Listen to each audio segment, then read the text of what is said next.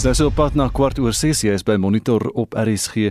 En ons kyk na 'n oorsig oor vanoggend se nuus in die voorblaaie van die koerante vandag. Die burger of al die koerante het hierdie foto. 'n uh, Rocker leer liefling van Loftus 'n boksles. En dis nou die naweek se aksie gewees uh, wat nou nie die harde nuus was nie, maar uh, vir Derek Hougaard was dit 'n bietjie hard geweest want François van Cooke het geen kwade gevoelens teenoor um, die oud Springbok Derek Hougaard nie, maar het mekaar in die bokskruit gepak en uh, François van Cooke daarna 6 rondes se aksie toe nou geseefuur in daardie boksgeveg. Maar die hoofberig natuurlik vandag in die koerante is die president se toespraak gisteraand vlak 2 terug van vandag COVID-19 dis nou die nasionale inperking wat teruggaan na hierdie aangepaste vlak 2 regulasies. Derde vlaag rede vir besluit sê Ramaphosa. En is basies maar die aandklokreël wat 'n uur vroeër is en dan minder mense by by inkomste en restaurante en so moet al 10:00 die aand uh, sluit. Maar die drank bly oop dis die een ding Hier's nog 'n berig op die voorblad van van die burger wat sê diskus rekord in FSA vir Woesterman.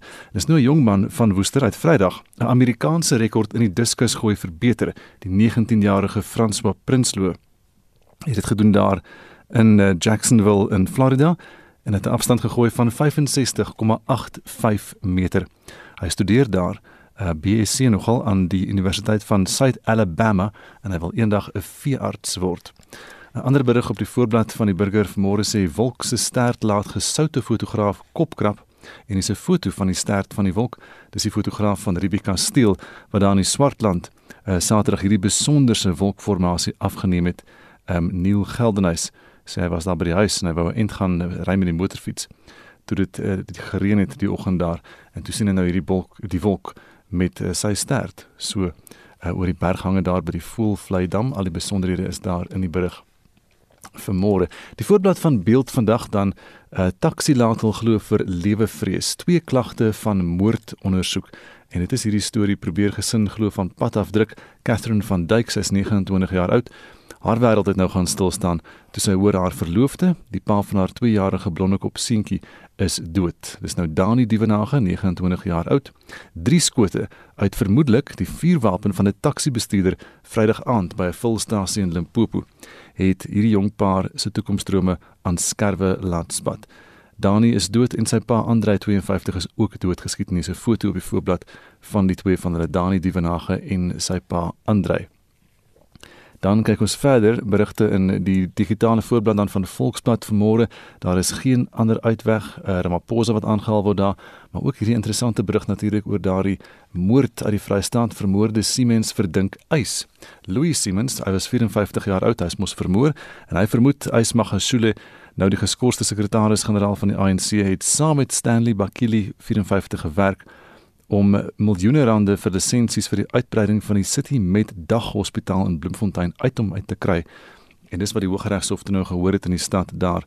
Hy is op 10 Mei 2018 in die parkeerterrein daar, die parkeerkelder in die Prellerplein winkelsentrum in die stad uh vermoor.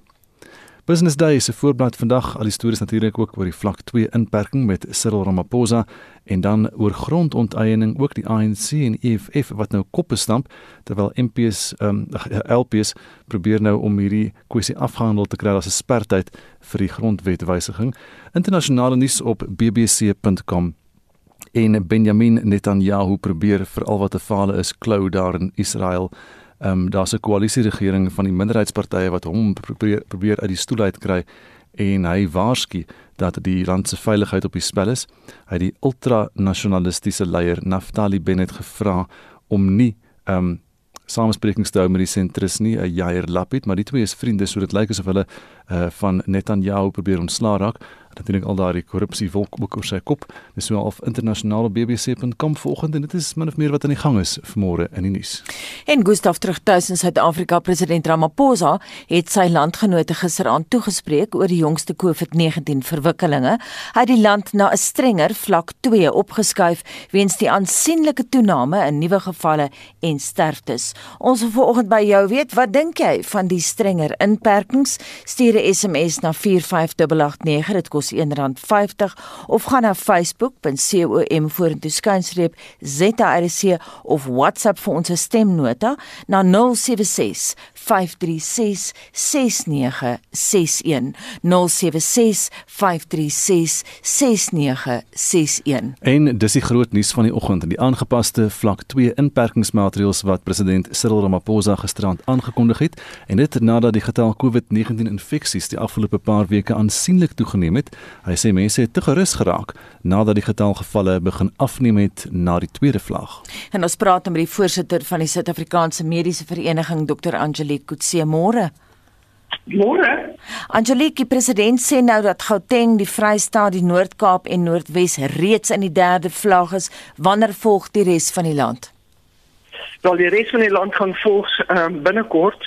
Ehm um, jy kan sien die getalle gaan op in die ander provinsies ook. En ehm um, soos wat ons tans sien, die mense is so vuisfoos, jy weet, hulle is nie meer lus om hulle maskers te dra nie. Hulle wil nie meer hoor wat ons vir hulle sê nie. Jy weet, ehm um, die dis die een ding, die ander ding is die wat ons um, diagnoses opmaak vir al die jong mense wat nie regtig siek is nie. Ehm um, voel hulle moet terug aan werk toe as hulle vir hulle self werk. Ehm um, hulle voel nie siek nie. En dit maak ongelukkig hierdie hele ding dat ek dink dat ons ons derde vlak baie moeiliker gaan kontroleer. Ehm um, kyk hierdie is 'n virus wat ongelooflik vinnig sprei. En ehm um, as jy nie klinies siek voel nie en die dokter sê vir jou jy moet 10 dae by die huis bly jy moet kwarantyne na dag 7 is jy nou ook nou nie meer lus vir nie want jy het keer niks in jou oë nie. Jy besef nie jy's nog hoogs aansteeklik en jy gaan die ander mense aansteek en ek is nie bekommerd oor die ander mense onder die ouderdom van 40 nie. My bekommernis lê by die ouer mense. Hulle kry swaar as hulle COVID kry. Wat maak jy van die strenger maatreëls wat hy nou aangekondig het? Is dit voldoende? Dis al 'n klare stap in die regte rigting. Maar jy sal opgemerk het daar is nie veel gesê oor ehm um, vervoer nie. Maar ons groot bekommernisse is die vervoer. Jy weet ons het nie 'n goeie publieke vervoerstelsel nie. Ehm um, ek dink dit is baie politieke issue op hierdie stadium en ehm um, hoe meer mense in 'n taxi inklim in die winter met COVID-19, onthou wat ek gesê die jonger mense weet nie eers hulle het dit nie. Meer steek ons die ouer mense aan. So daar is 'n probleem. Die die die die die ehm um, spertye van 10 uur in die aand tot 5 uur ons is gemaklik daarmee. 100 mense in 'n geslote ehm um, byeenkoms uh is uh, ek dink nie daai gaan vir ons baie help nie. Ons daai daai ehm um, moet strenger wees. Maar dit help ook nie ons bring al die strenger maatreëls in en daar's niemand wat dit ehm um, kyk dat dit gedoen word nie. Mhm. Mm Hoeveel sou jy wou sien binnekant? Jy praat onder te veel? Hoeveel wou jy ja. hê? Weet jy jy moet afkom hier na 50 ten minste op hierdie stadium en dan kyk wat weet jy net so elke 2 3 weke evalueer. En kyk. Ja, ingeventileer, vensters oop en so aan. Ja praat nie eens meer daaroor nie. Dis hm. hoekom ons die, die taksies en die daai inbring want dit is 'n groot probleem. Ek bedoel die taksies gaan nooit 4 ure in die oggend hulle vensters oopmaak dat die mense binne in dit sit nie. Gaan dit nooit doen nie. Wat is jou mening uh, oor die drank? Moes hy na jou mening strenger alkoholmaatreëls uh, aangekondig het? Alkohol is nie die grootste probleem wat daar is nie. Dis gedrag van mense. So jy weet, ehm um, as mense weer eens nie verantwoordelikheid gaan vat nie, vir hulle eie gesondheid en die mense rondom hulle nie. Kan ons alles inbring wat ons wil. Ons gaan net nooit su suksesvol wees nie. Angelique, kom ons luister gou na wat die president oor inentings te sê gehad het. The scheduled delivery of the Johnson & Johnson vaccine has however been delayed due to issues related to a lack of adherence to proper standards at a manufacturing plant in the United States of America. We are waiting for these issues to be resolved before the first batch of Johnson & Johnson vaccines can be released from the facility in the Eastern Cape. Our reliance on the Pfizer vaccine for now has affected the pace at which we are able to open vaccines vaccination sites. Due to the properties of the Pfizer vaccine, which requires an ultra cold supply chain. Jou kommentaar daarop Angelique? Kyk, ons weet mos nou al van dit Pfizer op die mark gekom het dat dit 'n moeilike vaksinne. Dit is amper nie 'n vaksinne um, wat geskik is vir 'n derde wêreldland nie want daar is ongelooflike baie goed wat in plek moet wees. So dis nie die vaksin self wat die probleem is, dis 'n baie baie goeie vaksin, dis die logistieke probleme om hierdie vaksines. Oh, um, dit is so dat um, die regering nie kon voorsien het wat met Johnson & Johnson tans gebeur het nie. Dit is nie um, ons of, of of die regering se skuld nie. Hier sit ons en wag vir die FDA van Amerika om wat voete sleep om hierdie ehm um, uh, uh, uh, opgehef te kry sodat ons daai immuniserings kan gebruik. Dit is ongelukkig so dat al wat ons het tans is net Pfizer en ons het nie genoeg Pfizer vaksines om twee dosisse nou tans te kan gee nie. Ehm um, daar is ook net daar's ook 'n tekort aan hierdie vaksines. Ons weet almal van die eerste wêreldlande wat hierdie goed opkoop. Ons het waarskynlik te laat begin om vaksines ehm um, weet vir ons land te kry. En onthou die Covax het ook nog nie hulle vaksines gelewer soos wat hulle beloof het nie. Hmm. Hierdie kwessie met die Johnson & Johnson enstof nou soos jy nou sê die die FDA in Amerika moet nou moet nou hulle moet nou 'n besluit neem en so aan. Waar is daardie Johnson & Johnson inentings? Is dit reeds hier in Suid-Afrika? Is dit maklik ja, om dit te kan begin uitdeel? Dis kan die oomblik wat die FDA die goedkeuring gee en dit die probleem lê nie in Suid-Afrika nie. Weereens dit lê by vervaardigingsaanleg in in Amerika. Ek is nie presies seker wat daar gebeur het nie. Ehm um, en nou word dit oral ehm um, jy weet word daar nou eers gesê hulle gaan eers ondersoeke instel en seker maak alles is veilig. Maar die ons die die Johnson & Johnson lê al is, is ek bedoel as hulle vandag sê ehm um, die die verbod op is kan ons môre begin om Johnson & Johnson te spuit. Dit is 'n baie beter logistieke hmm. ehm um, 'n uh, uh, spuit vir Suid-Afrika. So sou die uh, regte raad wees om diplomatieke druk te uh, toe te pas op die Amerikaners? Ek dink nogal so want ehm um, dit dit dit beïnvloed nie net ons dit beïnvloed ander lande ook. Dit is nie ek bedoel net 'n Suid-Afrikaanse probleem nie. En ons soos ons sê, weet ons het net soveel Pfizer en stowwe wat inkom. Minister het ag die president het nou wel gisterond gesê ehm um, weet daar sal 1.3 miljoen en dan staan nog 600 000 wat inkom. Maar as jy nou mooi gaan kyk hoeveel ehm um, Pfizer vaksines in die tweede kwartaal inkom, het ons nie genoeg as ons net op Pfizer moet ehm um, staat maak, is ons in die moeilikheid. Ek wil gefvinnig laastens vir jou vra, ons het nou verlede week al begin sien hoe al die die selfies op Facebook verskyn van al die ouer mense wat ingeënt word daar by die inentingssentrums. Hulle is baie positief en sê dit gebeur nogal mooi glad en maklik en so aan. Maar daar is mense wat sê bejaardes sukkel om aan te meld of hulle het nie SMS'e gekry van hierdie stelsel nie of dit stuur hulle na die verkeerde plek toe. Ehm um, en en hulle moet nie eenvoudig instap by die inentingsfasiliteite en dan sal dit dalk makliker gaan. Het jy raad vir hulle? Dis dis 'n baie moeilike ding. Jy, jy, jy, ons is in 'n derde pandemie of 'n derde vlak vir al in Gauteng. Om in te stap in 'n vaksineringsentrum waar daar nie goeie ventilasie is nie, waar daar alreeds 100 mense voor jou staan en wag. Dink ek nie is 'n baie goeie goeie idee nie. Ehm um, die beste is om te wag vir daai boodskap. Ek bedoel ehm um, die die die op die einde van die dag sal daar hopelik al is dit nou Julie maand in die derde kwartaal. Ehm um, hoofsaak genoeg en stowwe inkom. Op die ou en gaan almal geïmmuniseer word. Nou moet jy op jou afspraaktyd ingaan en dit gaan doen en, en uitkom uit daai gebou uit. Mm. Baie dankie en daai raad kom van Dr. Angelique Kutse, sy is voorsitter van die Suid-Afrikaanse Mediese Vereniging en ons praat later vanoggend in Monitor met 'n politieke ontleder en 'n ekonom oor die vlak 2 inperking. Estie. Joey Barnes sê het erger verwag maak geen verskil aan my leefwyse nie en Gwyneth Haltshausen skryf ek het gehoop ek kanselleer enige betogings voor 'n hofgebou waar geen COVID regulasies toegepas word nie. Anne Marie Oosthuizen sê wat 'n klug net die kerke word hierdeur geraak kyk hoe gaan dit by supermarkte selfs by apteke Taksies het geen voorsorgmaatreëls nie. Pas eerder strenger polisieering toe as om nog reëls te probeer instel. En Zelda Eigenhuis laat weet 100 mense binne huis maar 1000 leerders op een slag by 'n skool. Die skoolkinders kry tans die virus en dra aan ouers en grootouers oor. Dis 'n bose kringloop want skole kan tog nie weer sluit nie alhoewel dit sin maak. By ons skool is talle kinders siek en isoleer of hulle isoleer want die ouers is siek. En Jasper Kutse sê ek is keelvol vir die COVID-inperking en verslapping van die een vlak na die ander as mense net hulle maskers dra en hou by die reëls rondom COVID-19 is dit nie nodig vir inperkingmaatreëls nie. Ons wil vanoggend by jou weet, wat dink jy van die strenger vlak 2 of aangepaste vlak 2 inperkingsmaatreëls wat gisteraan deur president Ramaphosa aangekondig is? Stuur vir ons 'n SMS by 45889. Onthou dit kos R1.50 per SMS.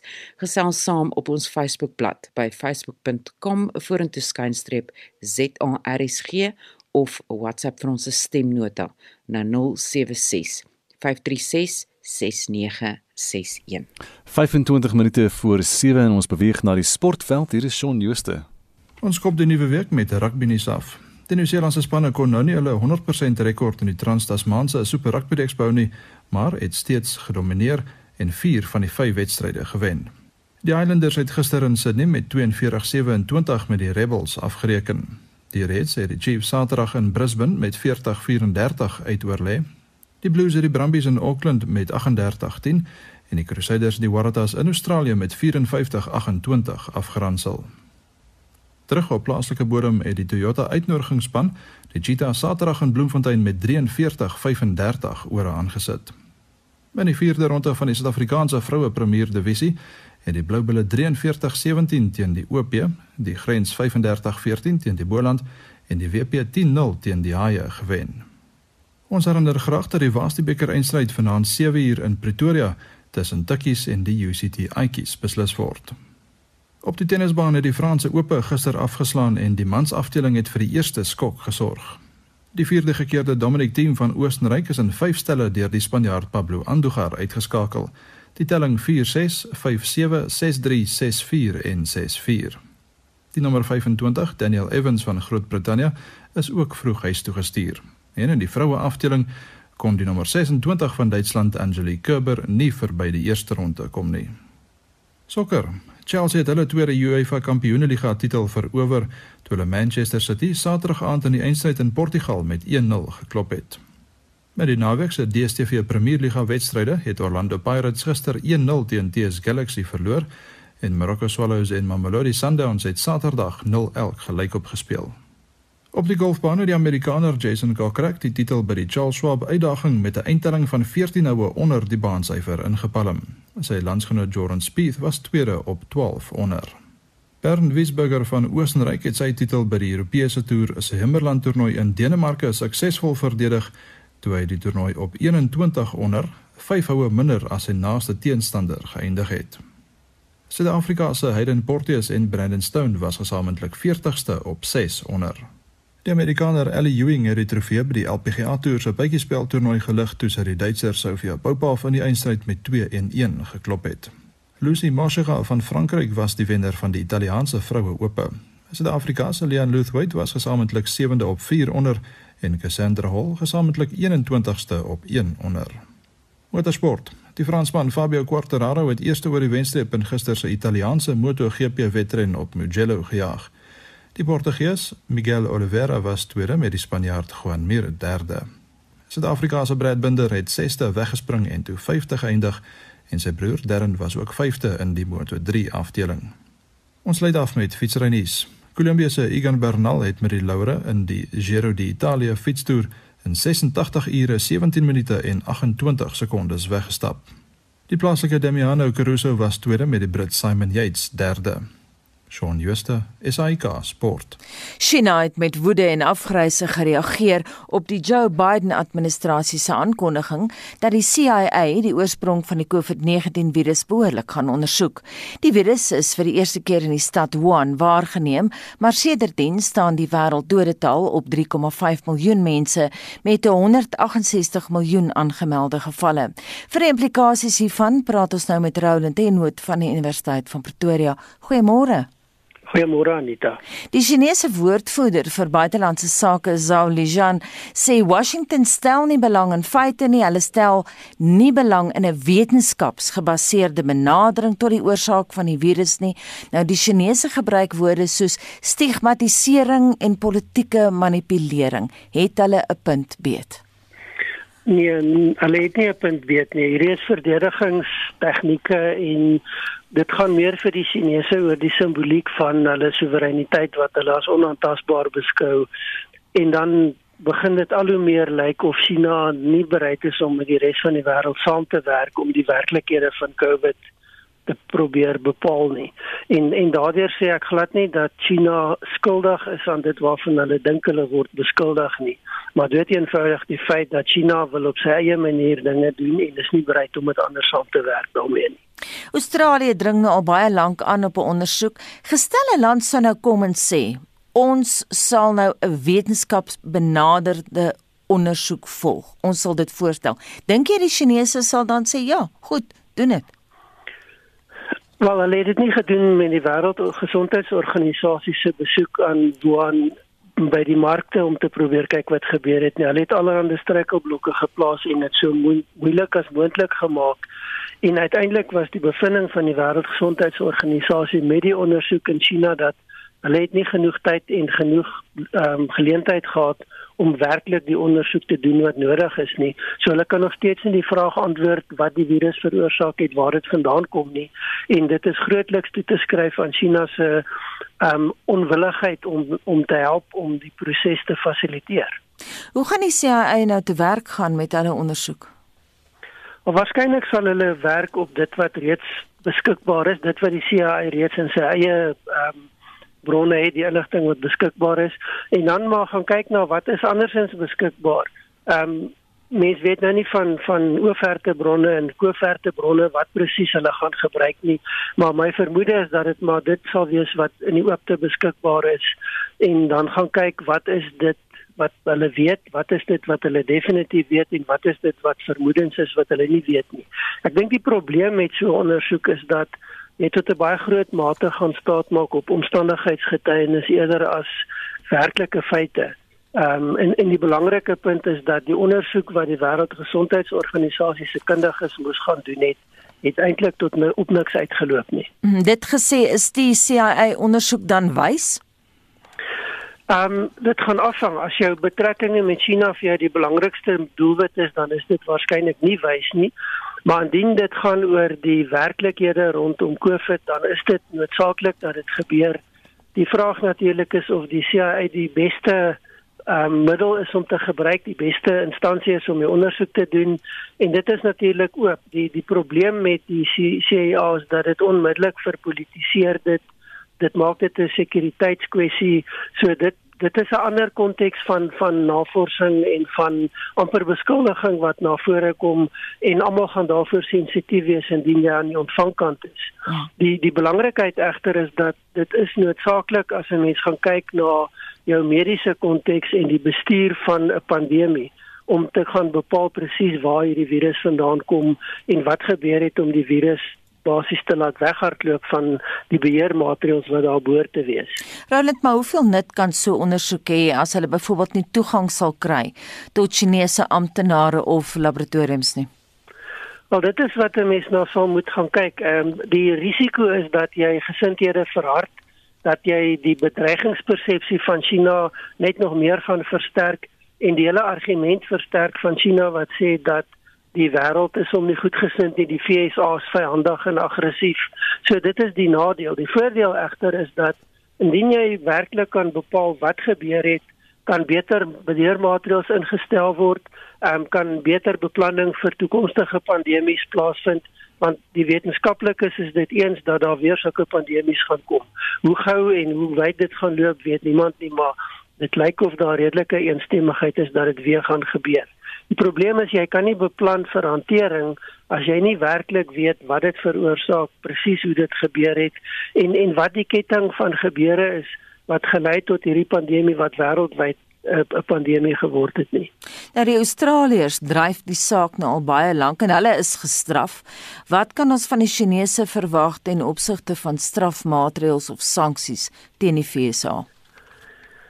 Ehm um, dit gaan baie moeilik vir China wees om die tipe maatreëls in te stel teen die VSA wat teen Australië ingestel is, maar ek dink wat 'n mens wel sal kry is geweldige retoriek en ehm um, posisionering van China as die aan die een kant die die die uitgesonderde wat nou sleg gesê word onskuldig en aan die ander kant natuurlik so 'n bietjie dreigende houding inneem en en probeer om hier en daar so 'n bietjie druk toe te pas. Maar dit is waarskynlik dat China nie baie ver gaan kom met daai benadering nie. Ehm um, die feit van die saak is China se optrede op die stadium belemmer die hantering en die beplanning en die uitvoer van dit wat nodig is en hulle gaan nie kan wegkom daarmee sonder dat dit baie duidelik gaan blyk nie. Watter politieke boodskap stuur Biden hier uit? Ek dink dit gaan afhang van van hoe mense dit wil lees. Vir mense wat bekommerd is oor wat gebeur het en werklik op soek is na antwoorde, is dit waarskynlik 'n belangrike positiewe boodskap in die sin dat ehm um, hier's 'n leier wat verantwoordelikheid neem, wat iets probeer doen. Ehm um, ek dink wat egter dit bietjie vir vir 'n klomp mense moeilik maak is dat hy eintlik besig is met iets wat president Trump begin het. Ehm um, hy was die eerste leier wat gesê het, maar hier's iets fout. Die Chinese is nie eerlik nie. Die Chinese mislei die wêreld. Die Chinese was onverantwoordelik en hy het ook gesê dat hy baie duidelik gestel hierdie virus kom uit 'n laboratorium uit en die Chinese was nalatig om dit toe te laat. Nou dit beteken dat Biden in 'n sin word geassosieer met met die Trump argumente. Aan die ander kant is is Biden nie net beskuldigend nie. Hy vra oor hoe ondersoek. Hy vra feite om die saak te gaan beredder of besleg, hoe mense ook al daarna wil kyk. Ehm um, maar die boodskap wat hy vir China uitstuur is belangrik en dit is dat jy kan nie maak wat jy wil en dit wegsteek en dan onskuldig probeer um, pleit in die proses nie. Roland het laasens ons bly by China maar 'n ander aspek. Laasweek is die aktivis en media magnaat Jimmy Lai tot 14 maande tronkstraf gevonnis. Nou hy het 'n kernrol gespeel om wetgewing teen te staan wat die uitlewering van Hong Kong se aktiviste aan Beijing moontlik maak. Nou ook belangrik hier is dat daai 14 maande is bykomend tot Lai se huidige tronkstraf van 14 maande. Jou kommentaar daarop? Dit is baie duidelik dat China baie sterk boodskap stuur aan mense in Hong Kong dat geen ehm um, persoon wat enigsins die die gevoelens teen China ehm um, bedryf gaan toegelaat word nie. En dan ook baie sterk boodskap aan almal wat dit oorweeg. Kyk wat gebeur met hierdie magtige ryk persoon. Ehm um, moenie dit oorweeg nie want dieselfde of erger gaan met jou gebeur. En dan natuurlik die ander konteks hiervan is dat hy word verwyder, hy word vir 'n langer tydperk verwyder van sy magsbasis van mense wat hom mag ondersteun, dalk met oorweeg om met hom saam te werk om simpatie te probeer skep en dit verswak hom. So baie sterk magspolitiek van die kant van Beijing en baie duidelik dat Hong Kong is onder hulle beheer en hulle gaan geen teenstand op nie. Baie dankie dit aan die mening van Roland Henwood van die Universiteit van Pretoria se departement politieke wetenskap.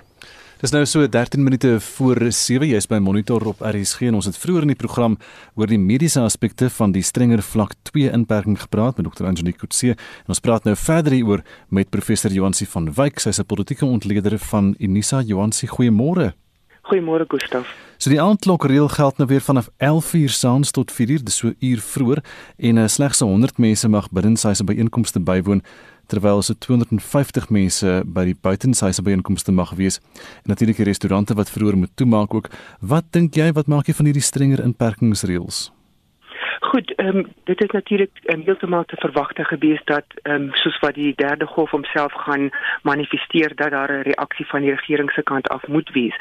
So dit is in, inderdaad dan nou goed dat ons dan nou begin om ehm um, verder as die provinsies waar dit nou alreeds gemanifesteer het as 'n derde golf dat dit aangespreek word. Ons is nou basies in die in die winterseisoen en ons weet um, met studies wat elders in die wêreld in die winter gedoen het, is dat so gou hierdie hierdie ehm um, situasie vasgevat word hoe beter. Maar dit is my belangriker om te kyk na wat die president nie gesê het gisteraand. Hy het byvoorbeeld nie na die drankverbod ge gewys nie en ehm um, jy het vroeg voorheen daarna gewys.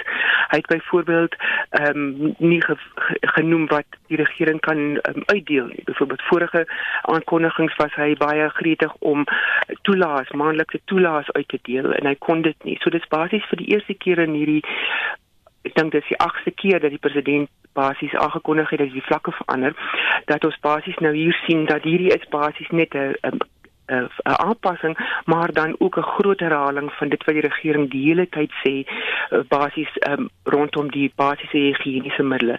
Ek sou tog ook wou gehad het dat hy moes genoem het rondom die korrupsie want dit is tog um, een van die dinge wat bydra tot Suid-Afrikaners se koronafoosheid in hierdie stadium. Ons het nie vertroue in die regering se vermoë om hierdie situasie aan te spreek en nog 'n uur byvoorbeeld of beperkings op byeenkomste um, is inderdaad belangrik, maar ek dink ons sal graag meer aktief wil sien en vernaam dan van sy um, rondom die uh, beweringe rondom sy minister.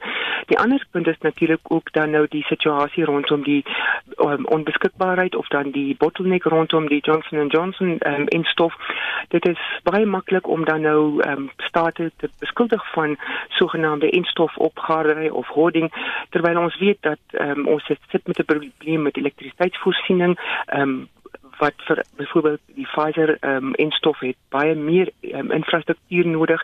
Ons weet die regering is nie in staat om dit nie. Ons weet ook dat daar is hospitale in die openbare sektor wat dit nie kan doen nie. En dan sou ek ook wou gehad het dat hy moes genoem het rondom die bydrae wat die private instansies gelewer het om dan nou hierdie syfers vir die instof toediening ehm um, aan te kondig. Ehm um, ek dink dit is ook 'n les wat ons kan leer byvoorbeeld by die Wes-Kaapse regering wat dan nou verlede week het hulle 'n sogenaamde COVID dashboard bekend gestel wat 'n baie oulike aanlyn ehm um, ehm um, um, webblad is wat wys waar die die brandpunte is waar die en uh, die registrasies laag is sodat daar intervensies kan wees. So hier is klaar 'n baie sinvolle manier wat ehm um, provinsiale owerheid dan die pas aangee om dan hierdie tipe goed ehm um, te te trek en trace om nou die Engels te gebruik.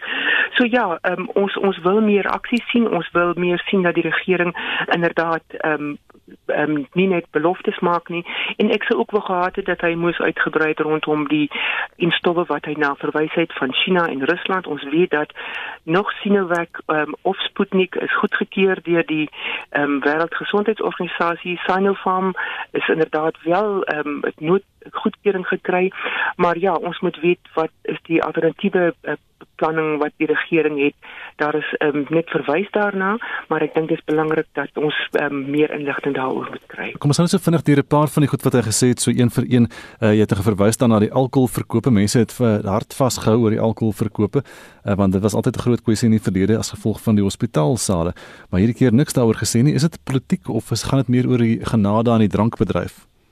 Kyk, ek dink dit is natuurlik uh, weer eens 'n geval van die regering, ag die president en sy adviseurs het baie min beweegruimte gehad. Um, ons weet dan ook dat enerzijds is hy um, is die regering um, van plan dat die ekonomie moet gestimuleer word. Die dit is nou die ehm um, tyd vir uitvoere, die ekonomie moet opkom, toeriste moet kan inkom en dit is weliswaar 'n belangrike sektor. Ehm um, en daar was natuurlik ook vooraf deur die die drank ehm um, sektor ehm um, aansienlike uh, voetwerk gedoen om dan nou uh, met die regering te konsulteer op hierdie gebied. Maar ek dink ook ehm um, daar is nou al heelwat meer ehm um, bewustheid geskep hoewel dit is nog nie ehm um, byvoorbeeld waar dit, dit die belangrikste is wat dit moet gebeur nie. Maar ek dink ook dat die die om die ekonomie op te hou en dit was die een van die die die die groot uh, probleme sedert die aankondiging van die noodtoestand van verlede jaar af is hoe maak ons die ekonomie werk terwyl ons hierdie uh, virus beveg. En dit is die groot probleem.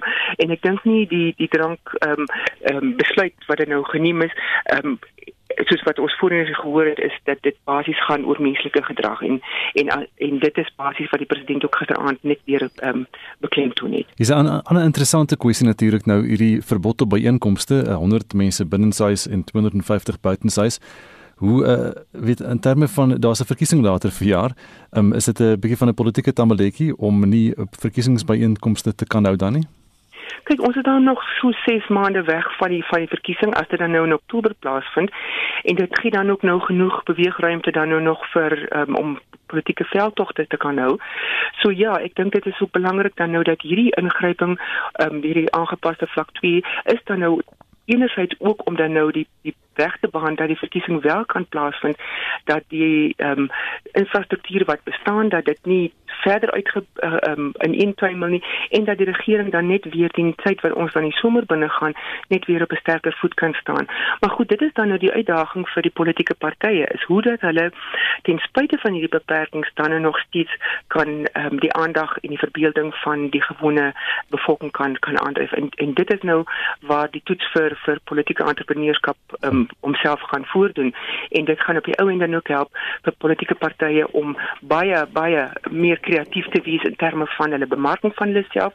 En die die punt is net dat die gewone burger wil sien dat sy omgewing rondom hom um, aan aandag geskenk word dat goed werk dat korrupte amptenare um, aangespreek word en ehm um, dat inligting te berde kom wat dan lei uh, gelei het tot korrupsie en en dit is aan die einde van die dag die belangrikste um, waaroor dit gaan. Hy het baie gepraat oor die inentingsprogram en stowwe en so aan. Ehm um, en dit is kommerwekkend dat Suid-Afrika nog nie by 'n miljoen inentings gekom het nie. Dink jy hy die idee van die stadige inentingsproses het hy dit onderspeel of het hy 'n rooskleurige prentjie probeer skets daarvan? Kyk ek hy het dit definitief onderspeel en ek dink dit is een van die goed wat ek opgetel het wat hy nou nie genoem het nie. Die die toename in die toediening van instowwe ehm um, het natuurlik 'n groot opstoot gekry met fase 2 toe die private sektor toegetree het, byvoorbeeld die groot farmaseutiese maatskappye wat dan nou ook kon begin toedien het.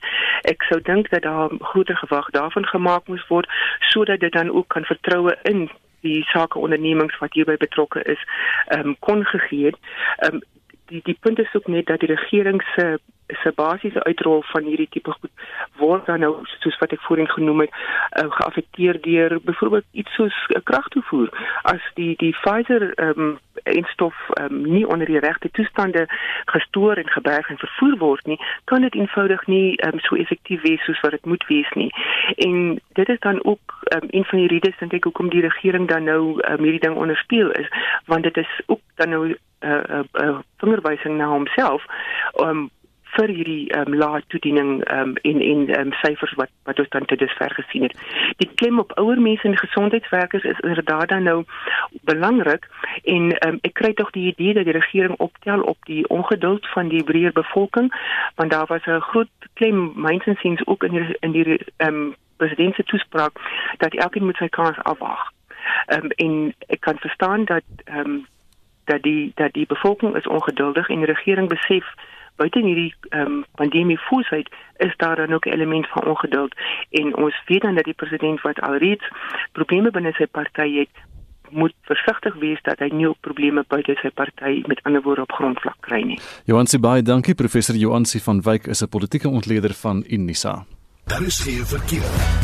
Ons kyk net wat aan die gang is in Pretoria, Soshanguve in noord van die stad. Daar's 'n botsingstoneel op die R80 Suid Mabopane Hoofweg net voor die R566 Roslyn afrit en daar's meer as 'n uur vertraging vanaf Ruth First op pad na die stad toe vanmôre. Gebruik eerder Doreen Laan of Soutpan weg deur onderste poort daar in die noordweste van Pretoria vanoggend. Verder is daar 'n botsing, dit is lyk like my eh, by die Wilge Plaza op die N3 Uh, twee voertuie is betrokke daar, maar daar's nie 'n versperring daar in hierdie stadium nie. So die verkeer gaan stadig daar verby die toneel vanmôre. In derde poort in Pretoria, die verkeer staan stil op pad na die wisselaar, die kruising van Sefako Makgato Rylaan en die Moloto pad. En verder kyk ons dan of hier in die gang is in Johannesburg R24 weswaarts na die OR Tambo internasionaal wisselaar. Die linkerbaan daar is versper in die omgewing van die lughawe en ehm um, die verkeer dit lyk vir tog verby kan kom maar dit raak so 'n bietjie besig. So wees maar versigtig daar by die R24 Wes op pad na die Degawe toe as jy ry daar. Verder in Kaapstad 'n kettingbotsing is die R300 suidwaarts na Ou Parelweg. Regterbaan is versper in daardie omgewing. Wees versigtig as jy daar verby gaan by Ou Parelweg. En dit is min of meer wat ek kan sien in hierdie stadium. As jy op enigiets anders afkom waar jy ry dan kan jy vir ons 'n SMS aanstuur na 45889 en die SMS se kos jou R50 elk Estie.